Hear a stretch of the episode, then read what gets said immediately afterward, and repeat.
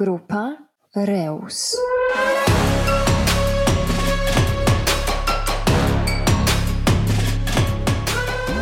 W kilku słowach o sposobach, jak poprawić tak zwaną retencję wód opadowych, czyli jak zatrzymać wody opadowe tak, aby służyły miastu i jego mieszkańcom. Zmiany klimatyczne i ich wpływ na retencję wód. Intensywna urbanizacja, poszerzanie granic miast i przekształcanie terenów zielonych na tereny utwardzone ma negatywny wpływ na retencję wód opadowych. Kluczową rolę w tym procesie odgrywają zmiany klimatyczne i dynamika opadów deszczu. Wszyscy odczuwamy obecnie podczas pory letniej bardzo wysoką temperaturę powietrza. Towarzyszą jej rzadko pojawiające się opady, które są bardzo gwałtowne. Ilość wody spadająca podczas burzy w czasie kilku godzin można porównać z ilością opadów, które w przeszłości odnotowywano w skali miesiąca. Za sprawą intensywnych nagłych opadów i dużej powierzchni terenów utwardzonych w miastach, kanalizacja deszczowa przepełnia się bardzo szybko. Następnie wylewa jest to przyczyną lokalnych podtopień, w celu zapobiegania podtopieniom stosowane są systemy zatrzymujące wodę, odciążające kanalizację deszczową i zatrzymujące wodę dla naszych potrzeb. Tereny zielone. Każdy z nas może mieć wpływ na retencję wód opadowych.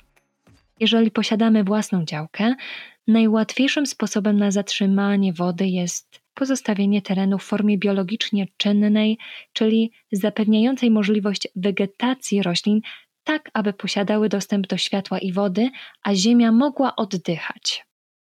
W sytuacji, kiedy pozostawiamy większość działki w formie zielonej i umożliwimy wodzie deszczowej swobodne wsiąkanie w glebę, przyczyniamy się do odbudowania naturalnego poziomu wód gruntowych. Nawierzchnie przepuszczalne. Mieszkając w domu jednorodzinnym, potrzebujemy wykonać utwardzenia w otoczeniu budynku, dojścia, dojazdy, miejsca postojowe, tarasy i odbojówki.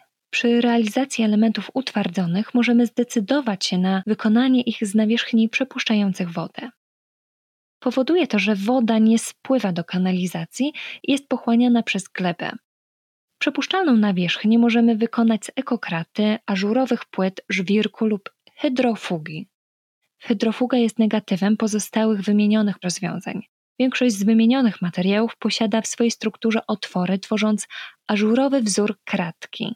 Hydrofuga swoją formą przypomina kostkę czekolady, której utwardzone elementy są wypukłe, a pomiędzy nimi znajdują się przerwy przepuszczające wodę do gleby. Ścieżki wodne, stawy, dachowe zbiorniki na wodę. Innym rozwiązaniem odprowadzającym wodę do otoczenia są ścieżki wodne. Ścieżki wodne to specjalne korytka odprowadzające nadmiar wody z chodników i ulic do otwartych kanałów i zbiorników. Dostarczenie wody do kanałów umożliwia jej parowanie i swobodny powrót wody do atmosfery. Podobne zjawisko obserwujemy przy naturalnych oraz sztucznych zbiornikach wodnych. Funkcję oddawania wody do atmosfery pełni na przykład staw, który jest naturalnym zbiornikiem retencyjnym. Sztucznym zbiornikiem retencyjnym może być natomiast zbiornik na wodę znajdujący się na dachu budynku. Dach rozwiązany w formie zbiornika może gromadzić nadmiar deszczówki, która nadaje się do wykorzystania na cele gospodarcze. Sztuczne oraz naturalne zbiorniki wodne przeciwdziałają zjawisku nazwanym wyspą ciepła. Pojawia się ona w lecie, w dużych miastach i polega na kumulowaniu ciepła przez zabudowę i powierzchnie utwardzone miasta.